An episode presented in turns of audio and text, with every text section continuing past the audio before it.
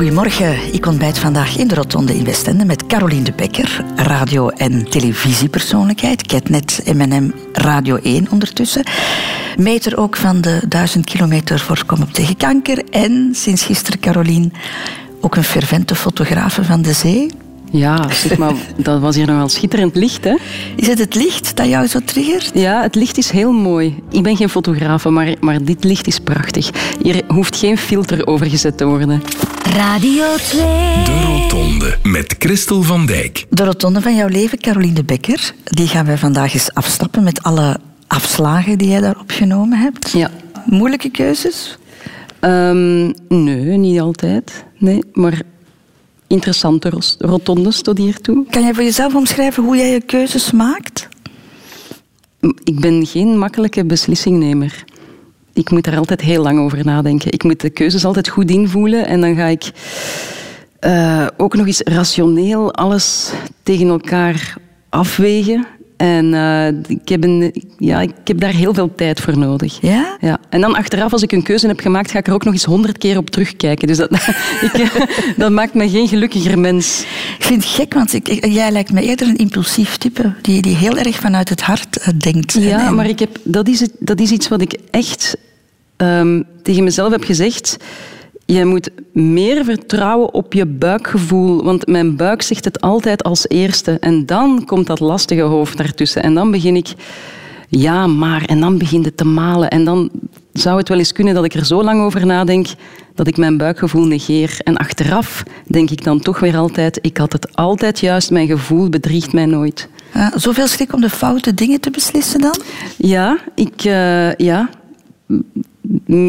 Zou ik het phalanx noemen? Ik weet het niet. Maar ik vind beslissingen nemen wel een, een hele moeilijke. Nu, je bent ook, daar gaan we het straks over hebben, ook heel, heel lang ziek geweest natuurlijk. Heeft dat de keuzes in jouw leven ook beïnvloed? Zeker en vast wel. Eh, al kan ik niet zeggen welke, want ik zat toen ook in mijn adolescentie, dus je bent sowieso aan het veranderen. Wie was ik als die kanker er tussenuit gehaald werd? Dat, ik zou het niet weten. Je bent een bekend eh, persoon in, in Vlaanderen, Caroline. En dan heb je een Wikipedia-pagina, natuurlijk. En op jouw Wikipedia-pagina staat dit op. Caroline de Bekker, Leuven, 26 mei 1979, is een Vlaamse televisie- en radiopresentatrice. Enzovoort, enzovoort.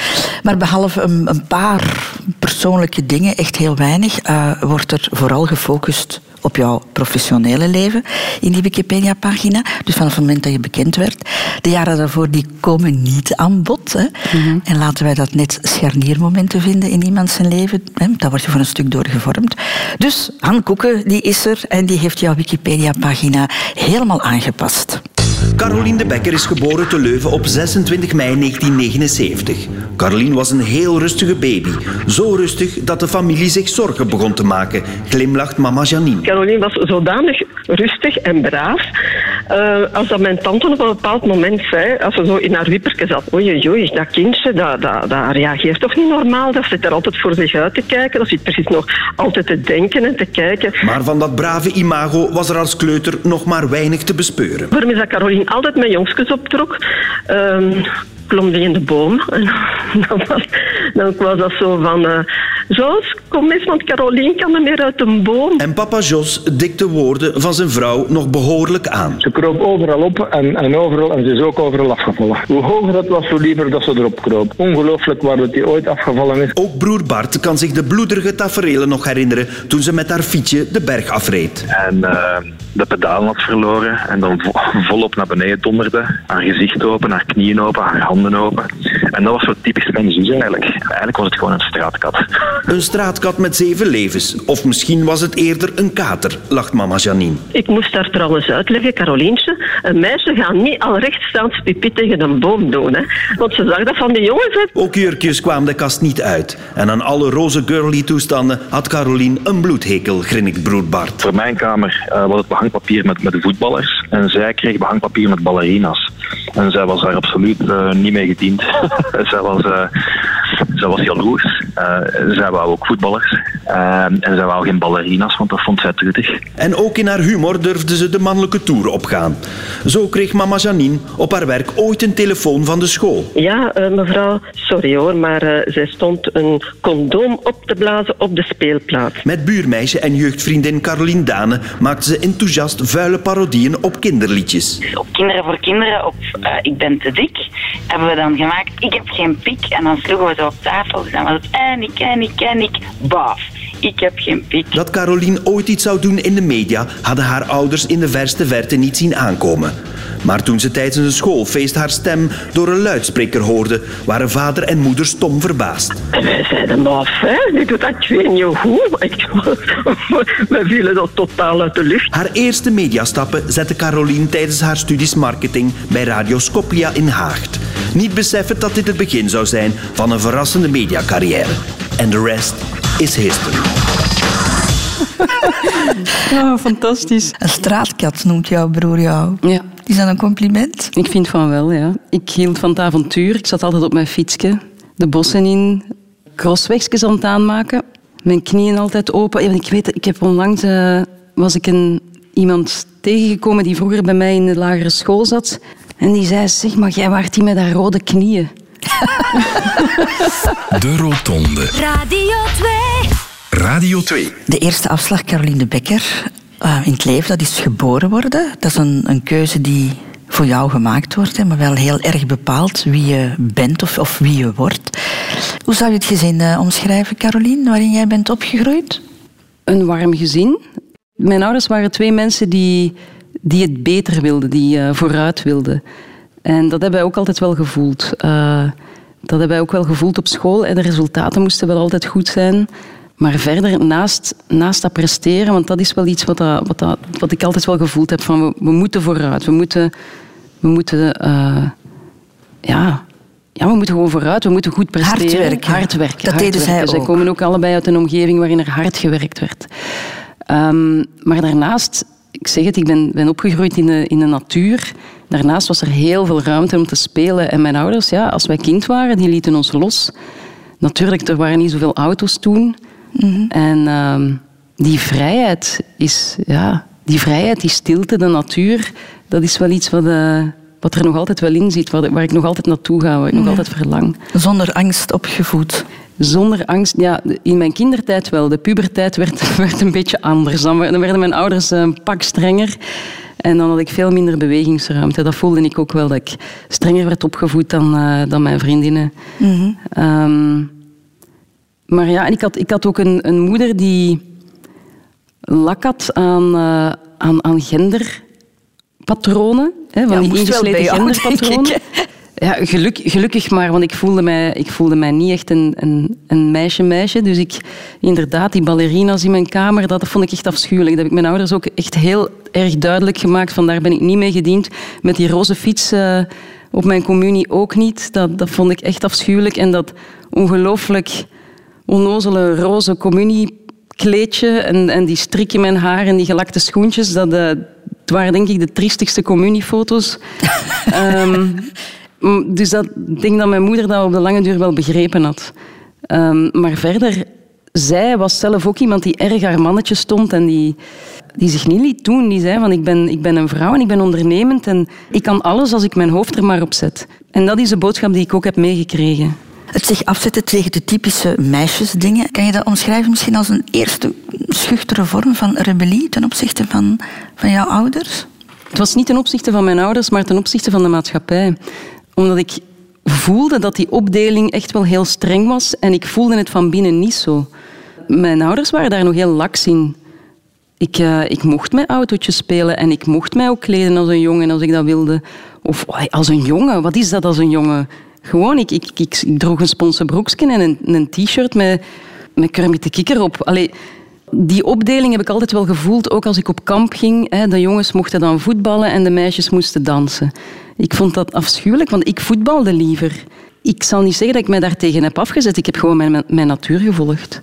Was het moeilijk voor jou bijvoorbeeld toen je borsten begon te krijgen? Nee. Nee, toch Nee, niet? nee, Ah. want ik, ik, voel, ik, ik voelde mij wel... Ik was wel een meisje. En ik was blij dat ik een meisje was. Maar alles wat hoort binnen dat imago van meisje zijn, dat, dat onnozele, opgesmukte imago dat, dat wij creëren, dat, dat voelde ik niet. En ik vind daar niks mis mee. Hè. Als meisjes daar gelukkig mee zijn, fantastisch. Kleed ze in het roze en laat ze roze jurkjes dragen. En, en laat een, een prinses zijn. Fantastisch. Maar je moet je wel realiseren dat niet alle meisjes een prinses willen zijn. Dus het was eerder uh, jezelf afzetten tegen de maatschappij. Heb je ook ooit een vorm van rebellie ten opzichte van jouw ouders gehad? Ja, maar die kwam pas heel laat. Omdat ik in mijn puberteit vrij streng in de gaten werd gehouden en vrij streng ben opgevoed, heb ik ja, ik denk niet dat ik heb gedurfd om te puberen. Ik heb dat één keer geprobeerd. Ik ben eens uh, s'nachts uit mijn raam geklommen en uh, ben toen zeven kilometer gaan wandelen, of, of, of, zes of zo, richting een vriendin van mij. en dan hebben wij s'nachts door de straten rondgehangen en toen zijn wij... Uiteindelijk is dat allemaal uitgekomen en heb ik vier maanden huisarrest gekregen. En dat was tot de laatste dag, hè. Uh, tot de laatste dag heb ik toen binnengezeten. En toen dacht ik, nee, dat ga ik niet meer doen. Dus je hebt dat... echt mooi binnen de lijntjes gekleurd? Ja, ik heb toen mooi binnen de lijntjes gekleurd. En het was pas toen ik in mijn twintiger jaren was, dat ik mij ben beginnen afzetten. Uh, en dan nog heel vriendelijk, hè, maar qua gevoel voelde ik van ik moet mij losrukken. Vooral omdat... Uh, maar toen was ik ook al verschillende keren ziek geworden en mijn ouders en ik gingen zo hard aan elkaar vast en ik hield heel veel rekening met hen. En ik heb mij nooit op een gezonde manier kunnen losrukken zoals dat gebeurt. Als je pubert, dan ruk je een beetje los en creëer je je eigen identiteit. En bij mij kwam daar zoveel tussen gefietst dat ik dat nooit heb gedaan. En dan komt dat natuurlijk later. We hebben het al een paar keer over gehad, Caroline de Becker, uh, tijdens dit gesprek. Uh, ja, ziek zijn, ziek worden op je achttiende, een botkanker. Hoe ben je dat te weten gekomen? Um, ik was toen nog 17 toen ik regelmatig door mijn knie zakte. Maar ik, ik sportte toen zodanig veel dat ik dacht, ja, dat zal een, een blessure zijn van, van, van het sporten. Maar dat bleef maar duren en bleef maar duren en begon ook meer en meer pijn te doen.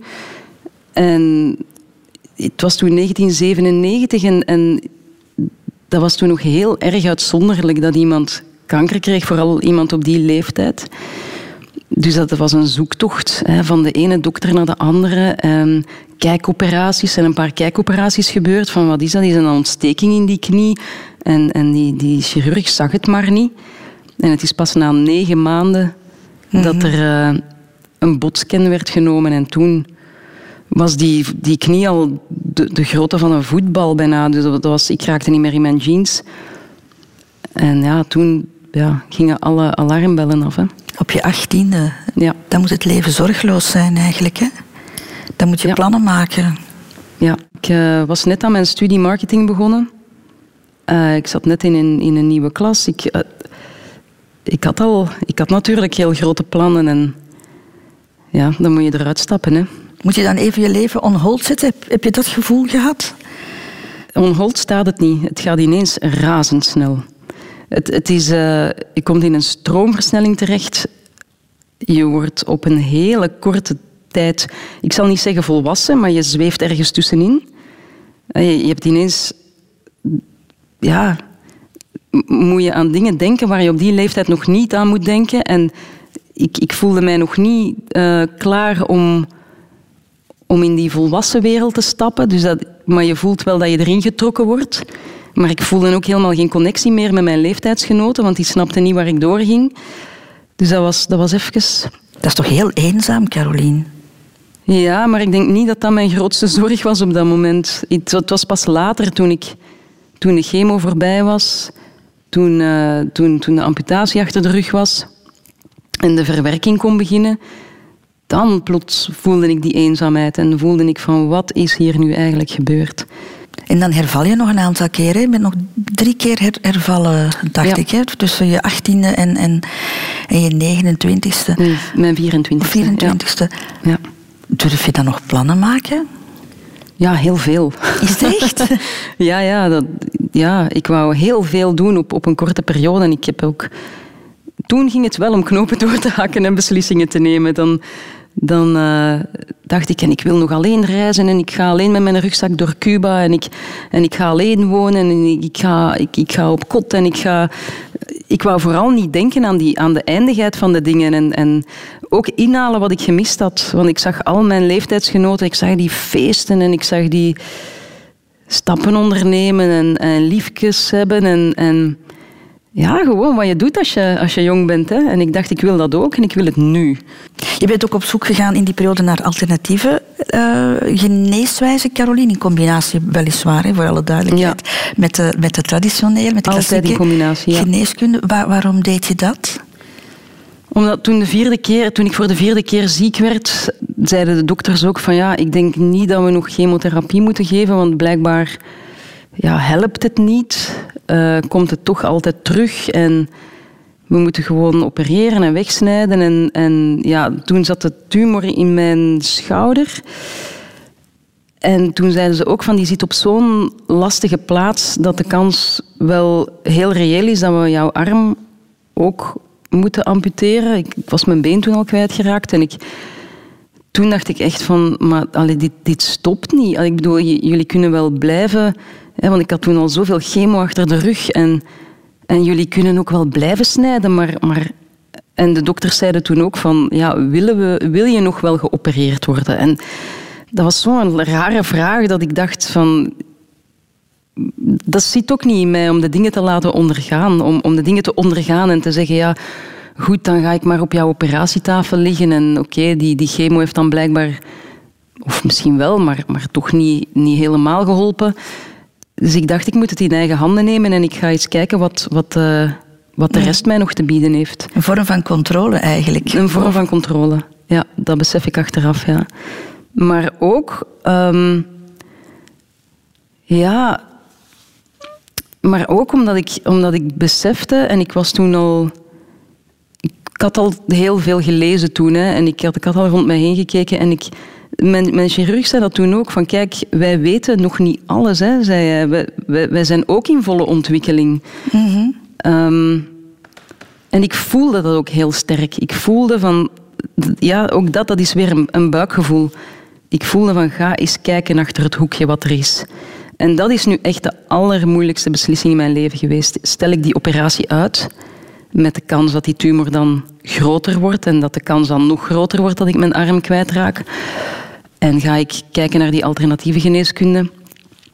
Of ga ik mij nu onmiddellijk laten opereren en heb ik misschien achteraf spijt dat ik nooit verder ben gaan kijken? Maar mijn buikgevoel zei zo sterk, ga kijken, ga onderzoeken. En toen heb ik aan mijn chirurg gevraagd van, krijg ik twee maanden uh, uitstel? En die zei toen meteen, en dat verbaasde mij, en daar ben ik hem nog altijd heel dankbaar voor, als jij niet klaar bent om op mijn operatietafel te liggen, dan begin ik er niet aan. Dus voilà, ik wandel in het ziekenhuis uit en ik dacht, en nu? Wat moet ik nu doen?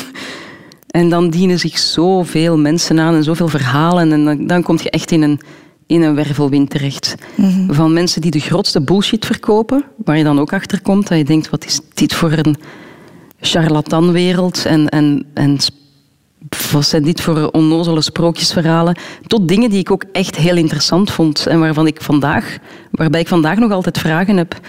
Ehm, maar bij jou is het goed afgelopen. Ja. Beter zelfs. Wel, dat, zal, dat zullen we nooit weten, hè, of het beter was. Ik ben, na twee maanden ben ik terug naar het ziekenhuis gegaan. Heb ik tegen mijn chirurg gezegd van ja, ik ben er klaar voor nu.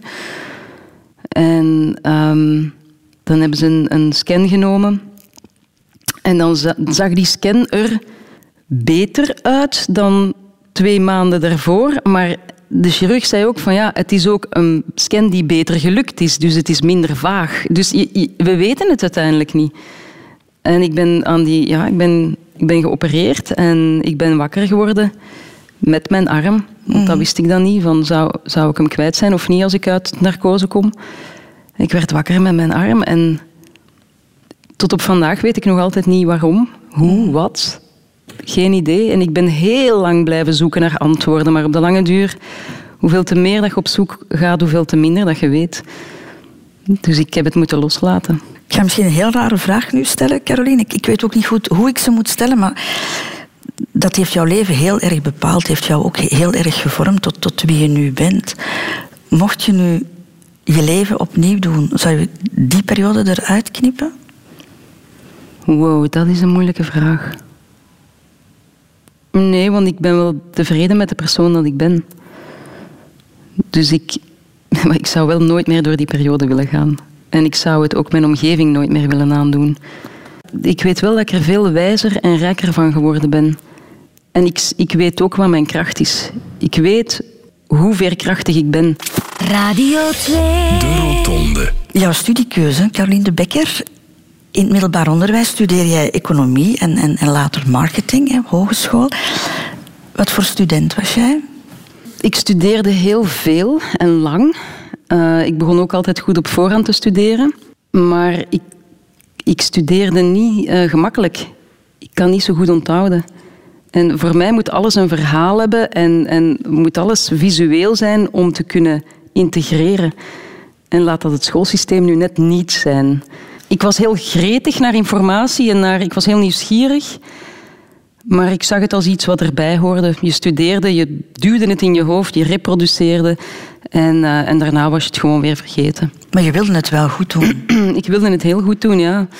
Uh, ik denk dat dat ook te maken heeft met uh, mijn moeder, die altijd heeft gezegd van...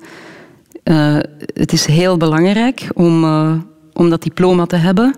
Om dan de vrijheid te hebben om te kunnen kiezen daarna. En ze zei ook altijd van, kijk, ik heb ook altijd heel hard moeten studeren en de dingen in mijn hoofd moeten duwen.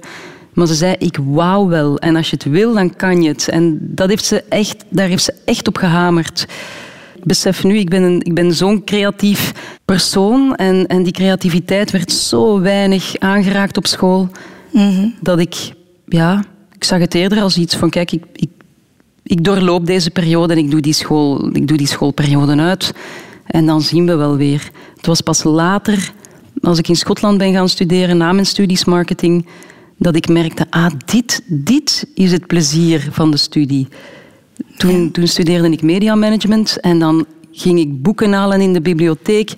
Ik verscheurde die omdat ik het zo interessant vond. En dan, in plaats van die van buiten te leren en daar examens over af te leggen, moest ik daar een paper van schrijven. Heb je het begrepen, Caroline? Schrijf er iets over. En dat vond ik fascinerend. En toen dacht ik, ah, dit is wat, wat studeren zo fascinerend maakt. Maar het feit dat je zo, zo hard moest werken, Caroline, en, en uh, dat het allemaal zo moeilijk was, zo, voelde jij je dan dom of, of ja, minder ik dacht, goed ik dan... dacht echt dat ik niet zo slim was. Omdat ik zag in, in de klas rondom mij, zag ik, zag ik meisjes die maar drie keer naar een pagina moesten kijken en, en dat zat in hun hoofd. En ik dacht, ja, ik ben gewoon niet zo slim. Hè. Dus ik moet, ik, moet, ik moet gewoon harder werken. En mijn moeder zegt dat als je hard werkt, dat je er ook wel komt. Het was pas later, als ik dan die, die postgraduaat deed en, en, en dat ik merkte van nee, nee, het is een andere soort van studeren dat ik nodig heb. Het is begrijpend studeren en studeren met passie en dan papers erover schrijven en laten zien. Heb, heb je het begrepen? Kan je, kan je een analyse maken van wat dat je gestudeerd hebt en dat ook zo weergeven? En toen besefte ik van, oh, ik zal er dan toch niet zo achterlijk zijn, Moet een blijkbaar. geweest zijn, ja, toch? ja, toen dacht ik, hé, maar ik kan hier wel uh, een postuniversitaire studie aan. Dat, wie had dat gedacht? Dus het is, ja, ik ben daar in die mate wel teleurgesteld in het schoolsysteem. Dat, dat ik denk van, jongens, het kan toch anders. Er vallen zoveel mensen uit de boot, zoveel mensen geven op. Um, terwijl zoveel leerkrachten zo hard hun best doen verander dat schoolsysteem eens even, zodat je alle leerlingen meekrijgt. Maar van de andere kant, je hebt wel leren werken en leren doorzetten Ja. daar op school. Ja. Dat doorzetten eh, heb ik van mijn ouders gekregen. Maar van jezelf toch ook, want je hebt het wel gedaan. Ja, maar het zit er denk ik ook in. Ik denk dat het ook iets genetisch is. En ik zie dat ook bij mijn zoontje. Die, die duwt ook door. Het zit er gewoon in. En het, en het zal door eh, de opvoeding nog versterkt zijn. Maar daar ben ik wel heel blij om. Alleen moet je ook weten wanneer je moet loslaten. Is dat jouw eh, probleem? Ja, soms dan, dan blijf ik duwen en blijf ik mezelf pushen. Misschien een beetje te veel, ja. Dat heb ik toch ook al een paar keer ondervonden. Heet dat perfectionisme dan? Dat zou wel eens perfectionisme kunnen heten, ja. De keuze voor de media, Caroline de Becker. Radio, televisie heb je ook gedaan. Hè? Eh, op Ketnet, je hebt op Canvas een programma gehad. Maar kan ik zeggen dat dat eerder toevallig gebeurd is? Of, of is het toch iets waar je naartoe gewerkt hebt? Het is iets wat ik altijd geweten heb. Het is heel vreemd. Ik, herinner mij, op mijn, op mijn zestiende stond ik op Rockwerchter. En ik dacht, en ik herinner mij dat moment nog heel goed, dat ik dacht, op een dag sta ik hier backstage interviews af te nemen. En ik weet niet waar dat vandaan kwam, want ik deed helemaal niks in die richting of ik had geen hobby in die richting. Maar dat is een, een, een weten. En mijn ouders hebben mij altijd gezegd, maak dat je eerst een diploma hebt en dan is er tijd voor je passies. Dan, dan kan je nog doen wat je wil, maar dan ben je safe. Dus ja, ben ik aan marketing begonnen omdat ze zeiden dat dat de creatiefste richting binnen eh, de economie was. En daarom ben ik mijn studies, tijdens mijn studies marketing ook mijn stage bij TMF gaan doen. En toen dacht ik, dit is het. Ja. Kan je uitleggen waarom? Nee. Het is iets wat in beweging wordt gezet van binnen. Het, het, het trok. Het is jou gelukt, hè? Maar het betekent natuurlijk ook wel dat je een leven in, in de luwte hebt opgegeven. hè? Dat je in de schijnwerpers bent komen te staan. Ja. Heb je dat onderschat? Nee, ik vind dat het eigenlijk nog wel meevalt. Bij Ketnet was dat enorm. Bij Ketnet toen wist ik echt niet wat mij overkwam. Verder, ja, dit blijft Vlaanderen, hè. dat valt wel mee. hè. Je, je rijdt 20 kilometer eh, meer naar het zuiden en niemand kent jou nog. Maar ik, ik vraag het jou om, omdat je ooit al eens hebt laten vallen in interviews dat je eigenlijk een eenzaad bent. Hè? Dat je als kind je soms verstopte op de speelplaats of in de turnzaal. Dat je last had van, van, van prikkels en dan kom je in zo'n wereld terecht waarin Ja. het een overdaad van, van, van, van prikkels is. Ja, dat is zo. Ik heb een eh, enorme gevoeligheid aan prikkels en ik ging mij inderdaad verstoppen in, tussen de turnmatten, omdat die speelplaats zo luid was. En al die prikkels en, en mensen die te dicht bij mij komen zitten, ik, ik, ik heb het daar wel wat moeilijk mee. Nu, ik weet niet of die bekendheid heeft daar niet echt eh, een, een grote invloed op, maar eh, het is vooral, ik moet mezelf heel erg tegenhouden, omdat ik zo gretig ben naar alles zien en meemaken in het leven en ik wil niks missen. Maar ik moet mezelf altijd temperen. Ik moet altijd terug die rust gaan opzoeken en mijn ontprikkelen. Is dat de reden ook waarom je gestopt bent met bij de Bekker op Radio 1? Dat is Want- exact de reden, ja. Eventjes situeren, jij hebt Jan Houtenkiet opgevolgd. Heeft heel wat mediabelangstelling gehad. Ja. Eh, een programma tussen 9 en 10, dagdagelijks programma, discussieprogramma. Je doet dat één jaar en, en, en dan zeg jij, ik, ja, ik stop ermee. Ja, ook een heel moeilijke beslissing, hè? maar ook eentje vanuit de buik. Het ging te snel. En ik, ik kan me inbeelden, heel veel mensen begrijpen dat misschien niet. Hè. Je hebt dan mensen met drie kinderen die van s morgens tot s avonds op pad zijn en zeggen van... Allee, kun jij dat nu niet? Een uur presenteren per dag, maar er komt zoveel bij kijken. Ik, ik, ja, ik ben sowieso al geen ochtendmens. Dat, is, eh, dat zal er nooit in zitten. Ik heb het geprobeerd. Maar het, het was een rot tempo. Ik stond eh, s morgens op wanneer de wereld nog niet wakker was. Ik reed naar het werk. Dan is er die spanning tot negen uur. Hè, want dat is altijd, je kent dat wel, hè, vlak voor je uitzending staan, staan de zenuwen een beetje gespannen. En ja, daarna, na de uitzending, begin je aan de voorbereiding van de volgende dag. En dan, als ik naar huis ging, dan was mijn zoontje eh, moest die van de crash gehaald worden. En dan van het moment vier uur later, als hij in zijn bed ligt, dan zat ik nog aan de voorbereiding, begon ik aan, de voorbereiding van de dag erna terug. Dus die hele dag was volgepland en ik had geen moment om op mezelf te zijn. En dat heb ik nu net heel erg nodig. Ik haal mijn energie uit de stilte en uit, uit mij terugtrekken. Eh, zo werken blijkbaar mijn hersenen. En daar was geen ruimte meer voor. En dan loop ik dus vast, dan begint mijn lichaam te verkrampen, dan suizen mijn oren, dan begin ik slecht te slapen. Ik word s'nachts om drie uur wakker en dan begin ik s'nachts de prikkels te verwerken in plaats van overdag. En je voelde aan je lichaam en aan je geest allicht dan ook, de beide, dit, dit lukt niet meer. Dit lukt niet meer, nee. Je hebt daar heel eerlijk over gecommuniceerd. Hè? Je hebt gewoon gezegd van het, het, het gaat niet meer. Uh, je stelt je kwetsbaar op dan in, in een toch wel harde wereld. Of heb je dat niet zo ervaren? Uh, ja, het is, het is, ik vond dat heel moeilijk om, om, om toe te geven, omdat ik, ik, wil, ik wil functioneren zoals iemand anders. Maar ik ben niet iemand anders. Ik ben wie ik ben. En ik weet dan ook dat mijn talent ergens anders ligt. Mijn talent ligt in het rustig analyseren van de dingen en, en ze dan reproduceren. En als er zuurstof is in mijn hoofd, is mijn focus beter en kan ik beter presteren. En, en dat is dan waarschijnlijk niet een dagelijks ochtendprogramma. Duidelijk niet, nee. Ben je soms boos op je lichaam omdat het jou... Ja, tuurlijk. Het frustreert mij, want dan denk ik, ik wil niet loslaten.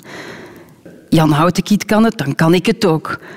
Als Peter van der Veijren het kan, dan kan ik het ook. Ik moet, dat, ik moet dat dan ook kunnen van mezelf, maar zo werkt het niet. Het zou goed zijn, denk ik, Caroline, als meer mensen daar eerlijk over zouden zijn. Ja, en ik heb daar heel veel reactie van gekregen. Heel veel mensen hebben mij gecontacteerd en gezegd van, kon, ik het maar, kon ik het ook maar. Je kan het. En ik dacht ook van, de wereld gaat vergaan, mijn carrière is voorbij. Uh, maar dat is een soort, je zit in een tunnelvisie, omdat je zo moe bent. Je bent zo moe, je bent zo bang. En het enige wat je moet doen, is echt je natuur volgen, loslaten, even tot rust komen. En dan merk je dat, dat de dingen zich wel weer ontplooien. Want als je je lichaam volgt, dat is, dat is de enige zachte manier vooruit. Radio 2. In 2005, Caroline de Becker, je was toen, als ik goed reken, 26. Beslis jij om op uh, Gym TV Shout te presenteren. Het eerste Holibie-programma in, in Vlaanderen. Ja. Waarom wou je dat doen? Omdat ik graag presenteerde. en ook... Er zat meer achter, denk ik, hè? Ja, tuurlijk. Het was mij op het lijf geschreven. En het was ook pionierswerk. En wij kregen een uh, budget van de Vlaamse overheid. En ja, dat is op, op een van je favoriete zenders. En dan zeggen ze, goed, maak hier elf afleveringen van en je krijgt carte blanche. Samen met, met Wel Jong Niet Hetero was dat. En dat, dat was zo'n creatief droomproces. En we hebben toen zoveel reactie gekregen van, van, van jongeren. Ja, dan heb je echt het gevoel dat je, dat je, iets, dat je een steen verlicht. Dus het woord rolmodel is in, op, op dat gebied dan wel op zijn plaats. Want jij ja, oude jou daar zelf ook als, als, als iemand die op, op vrouwen valt. Hè? Ja, inderdaad. In, in alle interviews. Ik, ik was toen eigenlijk ja, hoe lang was ik toen zelf uit de kast? Misschien een jaar of drie, vier. En toen plots, uh, na het, uh, de aankondiging van het programma, ik, ik herinner het mij nog goed, uh, het laatste nieuws, pagina drie, levensgrote foto, Lesbienne presenteert Holibi-programma. Wat een afschuwelijke titel. En ja, toen was het... Toen was het lag het er nationaal uit, hè? Ja. Je hebt ook heel lang gewacht om het aan je ouders te vertellen. Mm want je was dan 22. Ja, maar ik, ik, had het veel te druk met perfectionistisch te zijn, Christo. ja. ja, nee, ik was daar... Maar ik, ik kon het zelf nog niet zo goed aanvaarden. Ik had het er zelf heel moeilijk mee. Ik, uh, ik wou vooral niet afwijken. En ja, ik, ik denk dat het... Ik voelde mij al heel mijn leven anders. Ik dacht van, dan ben ik nu op dat gebied ook nog eens anders. Het mag nu wel eens gedaan zijn. Ik herinner mij op mijn dertiende, toen ik verliefd werd op een meisje dat ik dacht, oh nee, oh nee, ook dat nog. Ja, ik, ik wil niet anders zijn. En dat is geen enkele puber wil afwijken van de groep. En hoe ouder ik werd, hoeveel te erger dat dat schrikbeeld werd in mijn hoofd. En het is niet dat mijn ouders dat niet zouden aanvaarden, want... Want ja, mijn moeder die werkte op de luchthaven, die haar collega's waren... Ja, en ze had jou toch ook ooit eens gevraagd, rond je zestiende, of, of, of jij op meisjes viel? Ja, ja ze vroeg... Ze had toen een artikel gelezen van een een moeder waarvan de dochter zelfmoord had gepleegd en dat ze achteraf dan erachter waren gekomen dat, dat zij op meisjes viel en dat dat daar zo geraakt. En toen zei ze van zich, hey, maar als, als, als, jij op meisjes valt, dat is oké, okay, dat is oké. Okay. En ik zo, maar nee, mama, wat vraagde jij nu? Nee, ik was er zo hard niet klaar voor. Ja, maar het was een perfecte voorzet geweest. Het was een perfecte voorzet geweest. Ik, ik voelde dat het kon, maar ik wou het niet. Ik was er niet. Ik, en ik, als er nu nog mensen aan het luisteren zijn die zeggen homoseksualiteit is een keuze, mijn god, je wilt het zo anders. Je wilt het zo anders voor jezelf, voor je ouders, voor je omgeving. Het, ja, toen nog. Hè. Ik denk dat het vandaag veel makkelijker is. En, en dat ze, ik, ik, ik hoop dat in de toekomst het woord uit de kast komen of de zin uit de kast komen ook gewoon helemaal verdwijnt. Mhm. En dat het gewoon een heel evidente vraag is van val jij op jongens of op meisjes? Het feit dat je er zo lang mee gewacht hebt, voor, voor jezelf, maar ook om het aan je ouders te vertellen. Het klinkt misschien ook een beetje raar, hè, ik nu ga zeggen. Maar heeft dat er ook mee te maken met die moeilijke tijd die je al moest doormaken toen, toen je ziek was? Hè, wat voor jouw ouders ook erg belastend was, dat je dacht, en nu kom ik hier weer mee af. Ja, ik, ik herinner mij nog wel, um, toen ik ziek werd, van oké, dit is een probleem voor later. Mijn, mijn seksuele voorkeur, dat pakken we later wel aan. Nu is dit prioritair. Nu moet ik hier doorkomen. Dus mhm. je schuift het ene probleem gewoon even opzij en dat wordt ineens ook heel klein. Toen ik herviel, en ik was twintig. Ik had toen een vriendje. Fantastische jongen. Ik dacht, als ik hetero was, dan was ik er zeker mee getrouwd. Maar ik, ik herviel en toen dacht ik, oei, ik ben weer ziek. En ik herinner me, mijn, mijn uh, chirurg toen, waar ik een heel goede band mee had, die zei mij, Caroline, en nu dat nu, hè. Jij staat nu op de eerste plaats, Sam. Jij moet zeggen wat dat je nodig hebt en waar dat je energie van krijgt. En ik heb dat toen vrij goed begrepen en toen, toen, heb, ik, uh, toen heb ik het uitgemaakt met mijn vriendje. En toen heb ik gezegd van ik... Uh, het is nog niet dat ik toen uit de kast kwam, maar toen dacht ik, dit is stap nummer één. Richting een gezonder leven. Want ik dacht toen wel, of ik had toen ergens wel het besef van alles wat, wij, wat mij nu stress bezorgt, moet ik uitschakelen. En ik wist ook wel, door de hetero te spelen, dat dat belastend was voor mijn lichaam. Ik voelde dat ook fysiek, dat dat niet goed was voor mij. En toen, zeer planmatig, dacht ik, en nu wacht ik tot ik verliefd word op een meisje en dat ik in de verdoving van die verliefdheid ook meteen uit de kast kan komen. En dat is uh, de ommezwaai geweest dan? Dat kwam twee jaar later, of anderhalf jaar later, ja. Toen werd ik echt gigantisch verliefd. En toen, dat was mijn eerste vriendinnetje. En, um, en toen heb ik thuis verteld, ja. Wat een opluchting moet dat geweest wow, zijn. jongens, en toen was ik zo kwaad op mezelf van waarom heb ik hier nu zo lang mee gewacht? Allee, de bekker. Wat hebt u zelf nu toch aangedaan? Al, al die verliefdheden in uw puberteit altijd ontkend. Mijn beste vriendin, die wel openlijk lesbisch was, die ging met al die, die crushes van mij lopen. Die hadden die allemaal naar binnen als een ervaren visser en ik stond er maar op te kijken. Hoe frustrerend. Hoe heb ik mijzelf toch ontkend? Afschuwelijk. En dan word je zelf een, een soort van rolmodel. Ik zeg nu een soort van, omdat je het lang niet graag hebt gehoord. Hè. Waarom? Ja, maar waar... ik denk dat dat eh, een soort van schroom is. Het, eh, het, is een soort van heldenstatus waarvan, waarvan je denkt, waar heb ik dit nu weer aan verdiend? Je wordt ineens op een, soort, op een, op een, in de spotlights op een dienblad geplaatst omwille van je geaardheid, waar dat je niks aan kan doen. Uh, dat je gewoon van je natuur hebt meegekregen. En, en ja, ik voel daar een beetje schroom bij. Maar langs de andere kant wist ik ook... Het heeft mij zo hard geholpen, dus waarom zou je het dan zelf niet doen voor andere jongens en meisjes? En oké, ook al betekent dat dan dat elk interview over je geaardheid gaat? Sorry, Christel, maar ja, maar ja. zo is het nu eenmaal. Het, Omdat het toch ook een belangrijk deel van jouw leven uitmaakt, hè? Ja, en ook, het is ook, denk ik, belangrijk om het te horen, om het, om het telkens weer te vertellen, om het te normaliseren. Want dat, het, is ook, het is ook maar wat het is. Zullen we het dan nu is echt over de liefde hebben, mhm. Caroline de Becker. Een heel belangrijke persoonlijke beslissing toch uh, in het leven. Uh, we hebben het daar net al over gehad. Je hebt een hele tijd geworsteld uh, met, met je geaardheid. Was het dan een opluchting dat je kon zeggen van... Op die vrouw ben ik verliefd en daar ga ik mij nu volledig 100% voor inzetten, zonder mij te moeten verstoppen? Uiteraard. Ik voelde wat, uh, wat voor veel mensen een evidentie is. Gewoon de liefde mogen beleven, verliefd mogen worden op iemand en, en dat gewoon mogen beleven ja, voor mij was dat nieuw. De, de eerste keer dat ik iemand kuste waar ik echt verliefd op was, was ik 22. Dat ik vond dat heel... Ja, het, had, het had ook op mijn dertiende of mijn veertiende kunnen gebeuren. Ga je dan ook extra je best doen voor die relatie? Oh ja, ik was, ik, uh, mijn eerste lief, toen ben ik echt... Ik heb, ik heb zo hard mijn best gedaan dat ik echt over mijn grenzen liet gaan. Omdat ik dacht, dit, dit is het dan en zo voelt het en ik mag dit nooit meer loslaten. Ik denk, ja, ik, ik heb toen echt ik heb heel veel hartpijn gehad in het begin omdat ik, ja, die relatie was dan vrij snel voorbij en ik, oh, dat is zoveel pijn. Maar ik denk dat dat zo'n een, een, samenloop van omstandigheden was. Ik had zo die, die, die eerste en die tweede kanker nog niet verwerkt. Die, de, mijn lichaam dat er anders uitzag. En ik was aan het leren lopen op die prothesen en en, en dan worden verliefd en je denkt, oh, eindelijk, waar zit jij gebleven heel mijn leven? En dan, dan zegt hij na drie maanden gewoon, nee, zit jij toch niet. En die is dan weg en ineens denk ik, ik kan niet meer. Het is geen... En dan, ja, mijn ouders die begrepen dat niet. Hè. Die, die, die hadden zoiets van, allee, nu heb jij kanker gehad en dan nog eens kanker gehad en, eh, en een amputatie en, dat, en jij blijfde jij gaan en dan ineens komde jij zo'n onnozel trien tegen en dan, en dan is het... Uh, en dan lig jij in je bed. Dat snap ik toch niet, ze?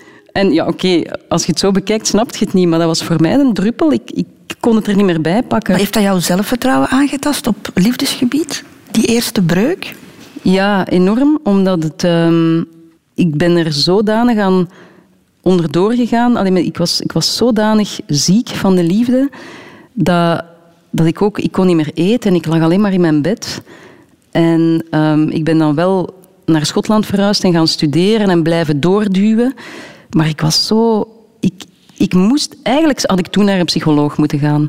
Om, om al die kankers en dat liefdesverdriet en alles te kunnen verwerken. Maar ik heb toen typisch weer gekozen om door te duwen. En wat gebeurde er? Op het einde van het academiejaar was ik zo op en mijn lichaam was zo op dat mijn immuunsysteem gewoon heel laag was. En wat, wat gebeurde er? Ik kreeg terug kanker. En het lastige is dat ik die kanker in verband heb gebracht met liefdesverdriet. Dus verliefd worden betekende voor mij gevaar. Als ik verliefd word, word ik kwetsbaar. Als ik kwetsbaar ben, dan krijg ik kanker. Dus wat gebeurde er? Ik ben tien jaar geen relatie meer durven aangaan. Dus dat werd een... Het liefdespad voor mij werd zo'n spoor van vernieling. Elke keer als ik verliefd werd, dan liep ik weg. En elke keer als iemand verliefd werd op mij, liep ik ook weg. Dus dat heeft tien jaar geduurd voor ik dan mijn huidige vriendin Suzanne tegenkwam. En dat ik dan, toen voelde ik mij veilig genoeg om er terug aan te beginnen. Dus dan heb je de keuze gemaakt om iemand toch weer heel dicht bij jou te laten komen. Ja, maar die woonde wel in Nederland. En dat hielp. Hoe komt het dat het dan jou wel gelukt is? Ik denk door die afstand net. En Ah, omdat ja. Suzanne ook iemand is die, die... Die liep niet achter mij aan. Die liet, die liet mij naar haar toe komen. Ik moest haar gaan veroveren. En dat was ik niet gewoon. Op een gegeven moment kom je met je gezicht op tv en die meisjes die hangen allemaal rond u omdat je in de media komt en daar was ik absoluut niet in geïnteresseerd. Ik wou op mijn tempo de ruimte krijgen om rustig verliefd te worden. Bij haar was je ook veilig. Ja, ik voelde mij heel veilig bij haar. Tot dan het moment komt van gaan we samenwonen of niet. Eh, dat, dat voelde dan weer heel onveilig. Dus er zijn wel wat stappen geweest om te overwinnen. Om toch iemand terug echt ook fysiek dichtbij te laten komen. Want dat vind ik toch wel moeilijk. Ja? Ik ben wel iemand die heel graag eh, haar eigen ruimte heeft. En, en het, het, het moet... Ja, ik, ik word niet graag... Ik, ik ehm, word niet graag een symbiose en ik versmelt niet graag met iemand. Want dat voelt dan weer onveilig voor mij. Je spreekt het woord fysiek uit. Is de, of hoe moet ik het zeggen, zijn de littekens op jouw lichaam ook ooit een belemmering daarvoor geweest? Nee, ik heb nooit problemen gehad met mijn littekens. Omdat ik... Voor mij zijn dat de fysieke uitingen van, ja, van een heel belangrijke periode in mijn leven. En, en ook van veerkracht. Ik ben zelfs trots op mijn littekens. Ehm, wat ik wel merk, als ik mijn prothese moet uitdoen of zo, als ik ga zwemmen en mensen kijken, dan voel ik mij heel klein. Ik kan daar niet tegen als mensen staren. Ik kan daar niet tegen. Ik vind dat zo onbeleefd, maar dat is ook omdat er een, een schaamte in mij zit natuurlijk. Daar heb ik het wel moeilijk mee. Maar Ook het heeft jou nooit belemmerd in jouw liefdesleven? Eh, nee, nee. Ik, ehm, ik, ik heb wel meteen, nadat ik een prothese had, ik heb nooit gedacht van wie wil mij nu nog. Ik had wel zoiets toen, ik, toen ze zeiden van we moeten misschien jouw arm ook amputeren. Toen dacht ik, oh, maar dan word ik wel echt... Ik bedoel, dan wordt het wel echt eh, moeilijk. Maar ik heb ook altijd wel beseft, er zal nooit iemand met mij zijn, louter en alleen om mijn lichaam. Het zal om mij gaan en niet om mijn lichaam. Dat is ook een mooie gedachte. Ja, eigenlijk wel. Dat is een goede, goede graadmeter. De keuze voor kinderen, Caroline de Becker, of alleszins toch hè, voor, voor één kind. Kan ik zeggen dat dat geen vanzelfsprekende keuze was voor jou? Dat kan je zeker Ja, hè? je had niet meteen de drang hè, om, om, om, om je voor te planten? Nee. Dat is altijd iets heel dubbels geweest. Ik, eh, ik heb het nooit gevoeld. Ik heb, mij nooit ook, ik heb mij nooit een moeder gevoeld. Of een, ik had nooit moedergevoelens. Ook als kind, ja, ik zeg het, ik was niet degene die met de poppen ging spelen. En ik denk dat ik zeker 15 jaar lang nachtmerries heb gehad tussen mijn 12 en mijn 30 dat ik zwanger werd. En, ja, ongewild zwanger werd. Maar het gekke was wel, toen ik eh, heel veel chemo kreeg, dan zeiden ze van ja, normaal gezien ga je nog kinderen kunnen krijgen. En ik, mijn, ja, mijn regels bleven ook heel lang uit na die zware chemokuren en dan was er toch paniek. Toen dacht ik, oei, maar ik, ik wil wel die mogelijkheid openhouden. En toen ik dan op mijn, eh, mijn liet testen op mijn 33ste of zo. eh, en ik kreeg te horen van, goh, het ziet er allemaal heel goed uit. Hè. Zie die follikeltjes zitten hier allemaal klaar. Toen was ik zo blij, maar zo blij. Ik sprong echt door het dak. Dat ik dacht, dat is toch raar. Ja, dat is raar. Ja. Dus ik wist van, er is iets. Dat, eh, er is iets heel dubbel aan de gang. En ehm, dan werd het echt, ja... We hebben natuurlijk een houdbaarheidsdatum. En ik kan niet zeggen dat, dat de biologische klok tikte, want ik heb die nooit horen tikken, nog niet in de verse verte. Maar je hebt wel de beslissing genomen. Ja, het was een rationele keuze. Omdat Was het ik, eerder in de zin van, we gaan er misschien spijt van hebben? Of? ja, omdat ik ook voelde van, ik, ik verlang naar... Ik wil alles beleefd hebben in het leven. En ik verlang ook wel naar die verdieping. Eh, het, was, het was heel rationeel. Maar ik wist ook wel van... Het, ehm, er is iets aan dat familiale en, en kinderen zien opgroeien en die mooie eh, facetten in het leven dat, dat mij aansprak. Ik voelde het niet helemaal, maar ik, maar ik vond het heel mooi om te zien. En ik heb ook beseft wat familie doet voor elkaar, hoe dat je doorduwt terwijl vriendschap sneller knakt. Ehm, die onvoorwaardelijkheid, ja. Dat was het. Ja, wat, dat was het, ja. Ja. Ja. Je zegt het is heel rationeel gebeurd. Nu, jullie moesten dat ook heel rationeel Ja, beslissen. dan komt er nog een enorm onsexy proces aan te Ah pas. hè. ja. Het Ja, het moet is niet allemaal van... eh, medisch eh, begeleid worden. En, en, en Ja, ja, dat was echt eh, voor mijn vriendin ook geen leuk proces. Dat is echt naar het ziekenhuis gaan, gesprekken met een psycholoog. Hè, want je mag er niet zomaar aan beginnen, want je gaat echt een, een kind ja, op bestelling laten maken. eh, ja. letterlijk fabriceren, ja. Ja. En dan hebben we er nog voor gekozen voor een bekende donor. Hè. Dan was dat een donor zoeken, kiezen. Dat is ook een heel moeilijk proces, want je bent niet verliefd op die man. Je moet, je moet daar ook een... Je moet met je buikgevoel een man kiezen en dan komen daar ook weer duizend gedachten bij. Eh, Dus jullie weten wie de donor is? ja, dat is een vriend van ons. En ehm, daar zijn wij echt heel blij mee. Ja, ik, ik, ik kon mij ook niet inbeelden dat ik zwanger zou zijn of dat mijn vriendin zwanger zou zijn van iemand die wij niet kenden. En, en het allerbelangrijkste vind ik, ik, ik wou mijn kind de mogelijkheid bieden om te weten waar die vandaan kwam. Moest ik niet weten waar ik voor de helft vandaan kom, ik zou gek worden. Mezelf kennende, ik zou, ik zou het uitzoeken tot op het bot. Dus als, als, eh, ik wou mijn kind die, eh, die informatie niet ontnemen. En hoe beslis je dan wie het kind zal dragen? Wel, het werd eigenlijk een beetje voor ons beslist, omdat ik, eh, ik had een, een, een, ja, ik zal niet zeggen een afwijking, maar ik had een, een baarmoeder die kans had op vroeggeboorte. Normaal is het de baarmoeder in de vorm van een, van een peer. Bij mij dat in de vorm van een hartje. Dat klinkt heel romantisch, maar dat is het niet. Dat is gewoon dat die kamer gesplitst is. Dus ze zeiden tegen mij van ja, als jij het kind zou dragen, heb je ik weet niet, 30% kans op een vroeggeboorte. En dan zijn we zo heel de, eh, eh, hebben een rondleiding gekregen in de afdeling neonatologie. En dan zagen we al die kleine, te vroeg geboren kindjes. En toen dacht ik, goh, nee, nee. En dan zei mijn vriendin, ja, maar zal ik het anders dragen? Met jouw eitje. Want ik, ik ben vijf jaar jonger dan mijn vriendin. Eh, en dat vonden wij zo'n mooi idee. Hè, dat, dat mijn vriendin zwanger zou zijn van mij. Ehm, en zij, zij vond dat ook heel fijn, dat ze dan die binding zou voelen met, met, het, met het- haar niet-biologisch kind. En ehm, ja, uiteindelijk heeft zij een vroeggeboorte gehad. En dus, ja, Ja. Op, op zes maanden. Op zes maanden, ja. Ja, dat was heel intens. Dat was het kantje boordje. Mhm. Maar het is eigenlijk allemaal goed gekomen. Ja, hè? ja zij had zwangerschapsvergiftiging en eh, Samuel is dan, die toen nog geen naam had, is, is echt op, op eh 28,5 week gekomen in plaats van 40. Maar die, is er, die, die doet het vandaag schitterend. Zijn, eh, heeft al zijn achterstand ingehaald op twee jaar tijd. Dus die is die, ja, echt... En je zegt Samuel die toen nog geen naam had. Ja. Hebben jullie daar bewust even mee gewacht om die een naam te geven? Ja, we waren zo overdonderd. We, hadden, we waren nog aan het beslissen over een naam toen die, toen die ehm, of aan het nadenken toen die geboren werd. En na die geboorte, Suzanne was helemaal van de kaart. Die was echt eh, fysiek heel slecht.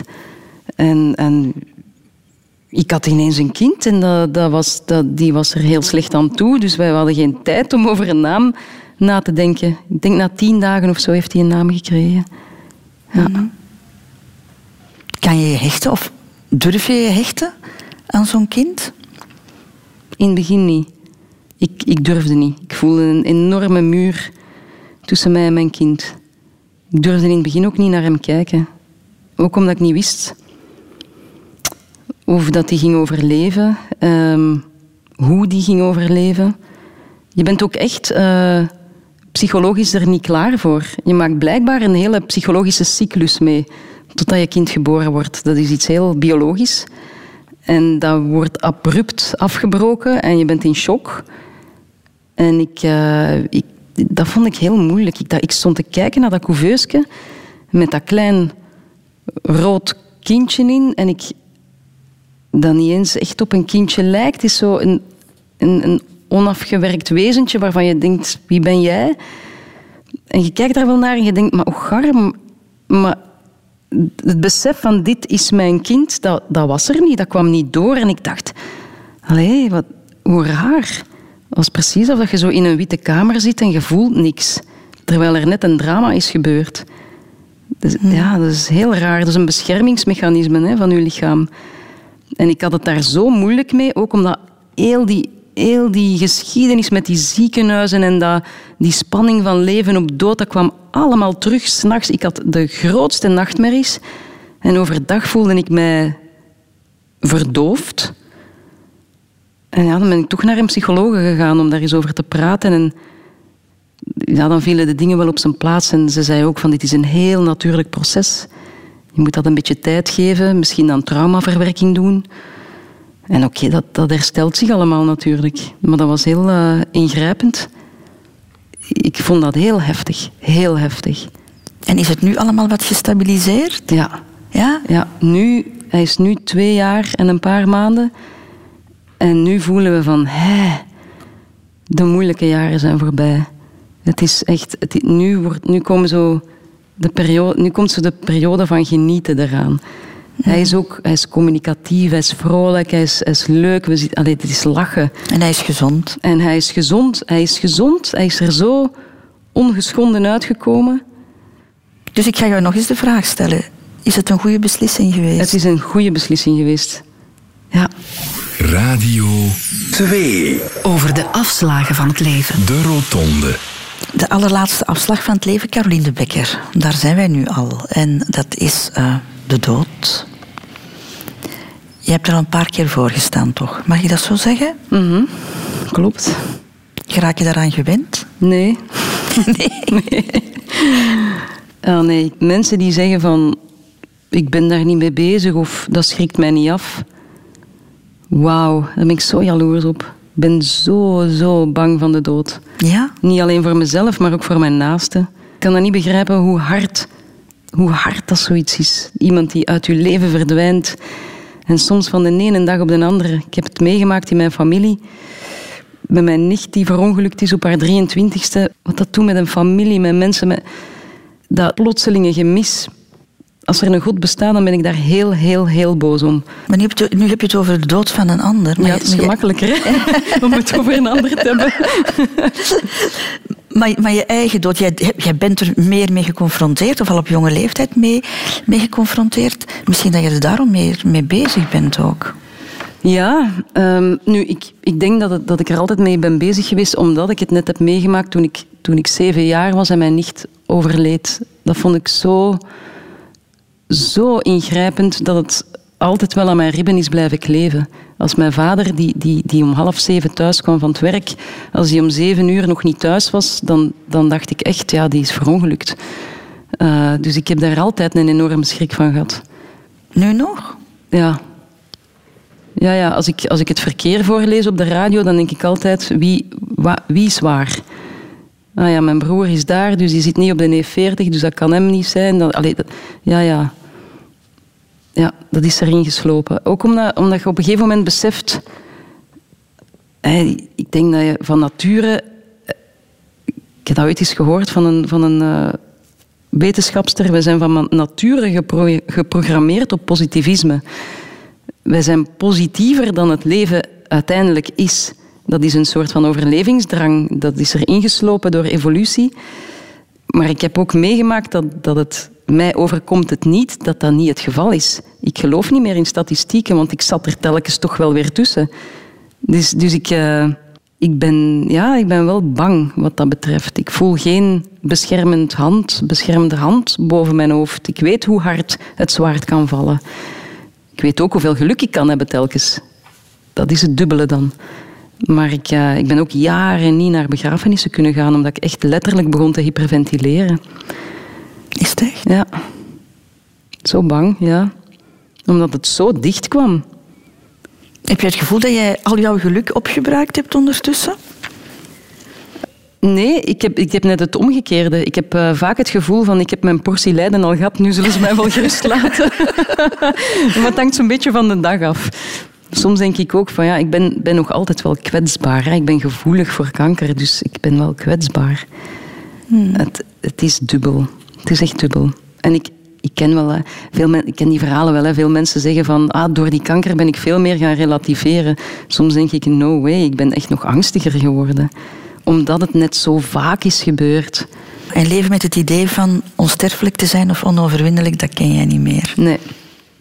Ik heb dat wel gehad in de periode dat ik ziek was. Dan komt er een soort van ontkenningsmodus over u heen en dan denkt je, ik ga sterven, no way. Ik ga, ik ga leven en ik dacht er zelfs niet aan om te sterven. Maar als, als ik dan op een begrafenis zat, dan voelde ik het wel dat heel mijn lichaam in angst schoot en dat ik begon te hyperventileren. Dus die angst werd gewoon naar beneden geduwd. En waar heb je eigenlijk angst voor, Caroline? Het, het einde van het leven of voor wat er daarna komt? Of niet komt? Het einde van het leven, daar, heb ik, daar ben ik angstig voor. Wat er daarna komt, dat zien we dan wel weer. Of dat zien we helemaal niet. Verwacht je nog iets? Of hoop je op iets?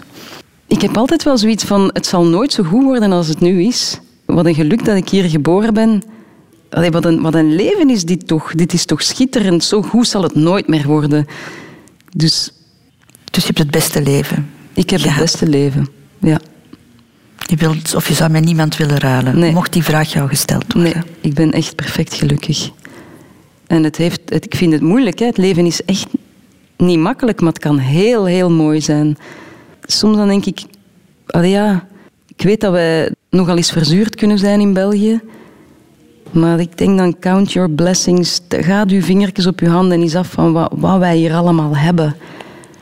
En ja, onze politiek is niet ideaal. En ja, we moeten, we moeten werken voor ons brood. Maar dit is het tijdperk en de plaats op aarde waarin dat we kunnen zijn wie dat we willen zijn.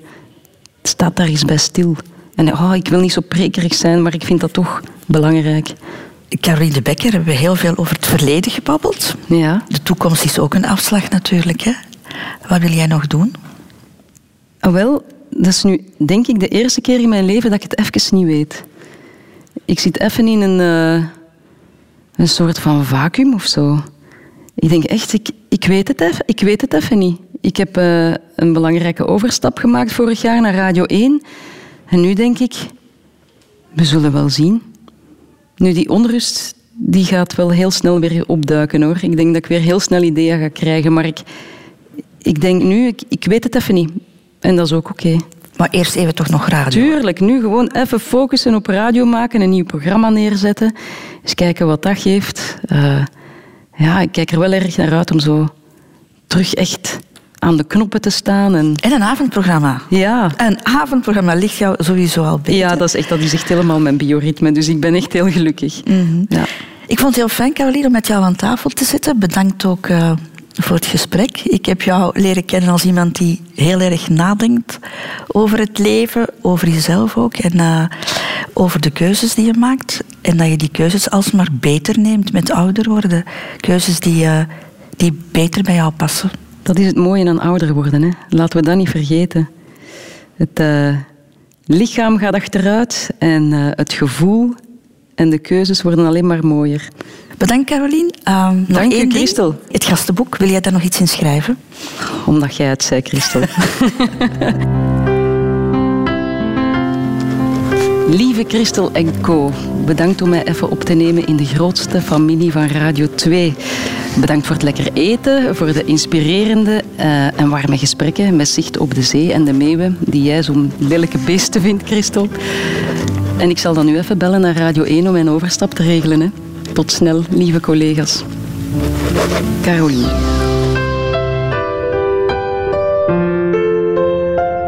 Radio.